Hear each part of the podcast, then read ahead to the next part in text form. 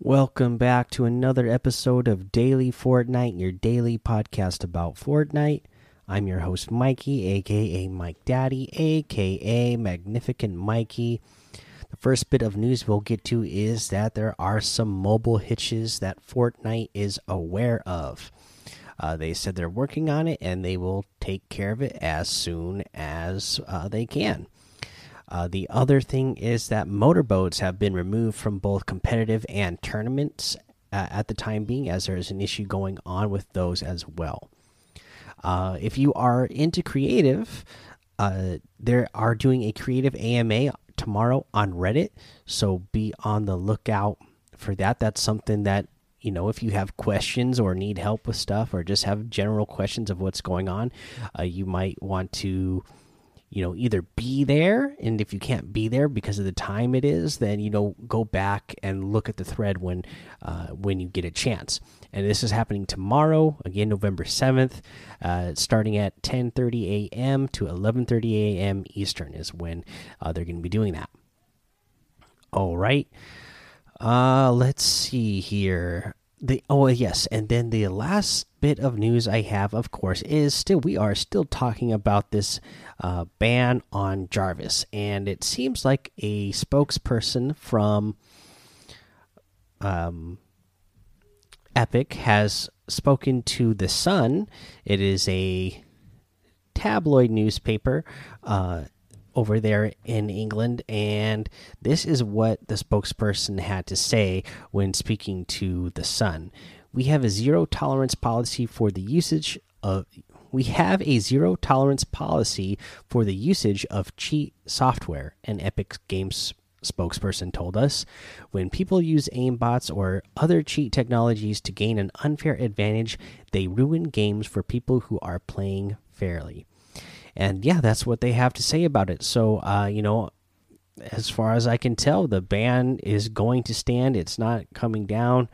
Um, you know, they call it a permanent ban. Who knows? I mean, one day they, you know, maybe years down the line, they could unban his stuff. Uh, but you know, it looks like yeah, they they are they are sticking to what they said. So, uh, it, that's just how it's going to be. And and again that is their stance and it seems to be the stance of most gaming companies. Uh, let's see here. Let's get to a challenge tip now because that's all the news we have for today. Uh, we've done pretty much most of them so we'll just kind of give you a general tip for this deal. Damage to opponents from above. You need to do 250 in total. Of course you know an easy way to do this is if you you know run into any opponents out there in the wild is to quickly crank some 90s and uh, then uh, shoot down at them. Uh, you know is you know just get higher than they are and then shoot down. Uh, now you know another good way to do this is just look at the at the terrain of the map natural areas where you're going to be higher than your enemies. I mean, there's a plenty of good spots around the middle of the map where we still have the zombie island. You know, if you if you're on the outside of the lake, there's a couple of hills out there that you could be on, and if there's people out there, you can shoot down there uh, at the to the people who are on the island.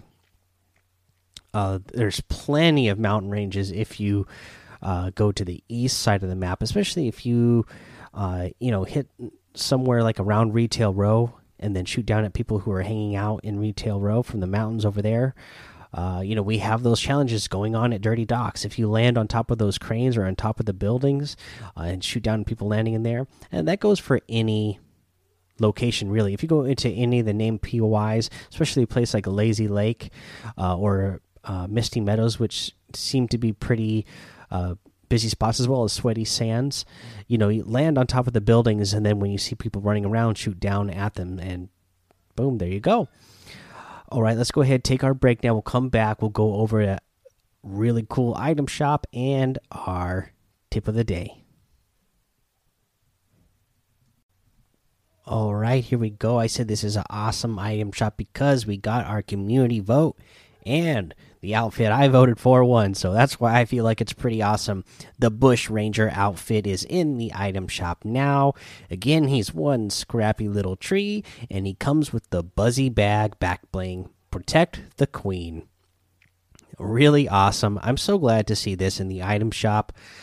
Uh, just really cool outfit. Uh, you know, we get so many outfits that are just, you know, regular outfits that are just different plays off of what the default skins are. So I love to see skins like this in the game that come in and they are, you know, just totally out there. They don't look like a person at all. I just absolutely love it.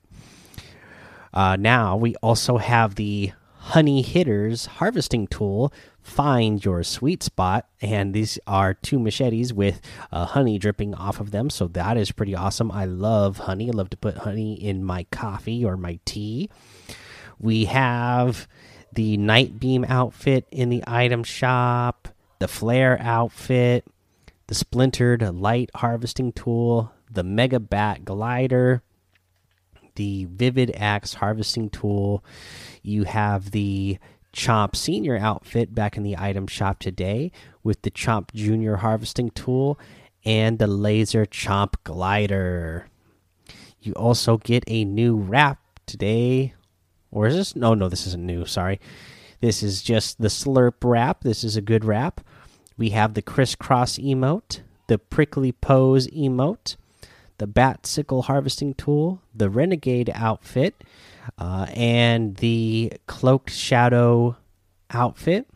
You still get those bundles in the store section. The the Final Reckoning pack, uh, the starter pack, and the Dark Fire bundle. Remember, you can get all of these items using code Mike Daddy M M M I K E D A D D Y in the item shop as it does help support the show. And I'll just throw this out there as well because I got an email uh, from Epic letting me know that this is going on right now. But right now, if you get Red Dead Redemption 2 for PC from the Epic Game Store, if it's a game you've been wanting to play, haven't played it yet, and you've been thinking about getting it, you can get it on PC from the Epic Game Store. And my uh, if you use my creator code when you buy it, it'll the normal five percent that would give me is going to jump up to twenty percent uh, for now. Uh, so thank you guys for using that code. Now let's go ahead and get to our tip of the day. This is a really cool tip that I saw from Speedy Gonzalez. Uh, you know, he he he always has a, a lot of great uh, tips out there. So now what you can do is uh, edit all when you're when you're making an edit on a wall you'll be standing all the way up against your wall and whatever two tile you know you're going to be either to the left or the right and whatever two tiles that you are standing in front of edit everything else out except for the two that you're standing right next to. And then it's going to make a small wall right there. And the great thing about this is you can either you know depending on which side you're on, you can, uh, you know, you'll be crouched down and you can either bounce out to the left or bounce out to the right and hit a quick shot. You can jump up, hit a quick shot, and either way, it makes it really unpredictable for your opponent on what you're going to do.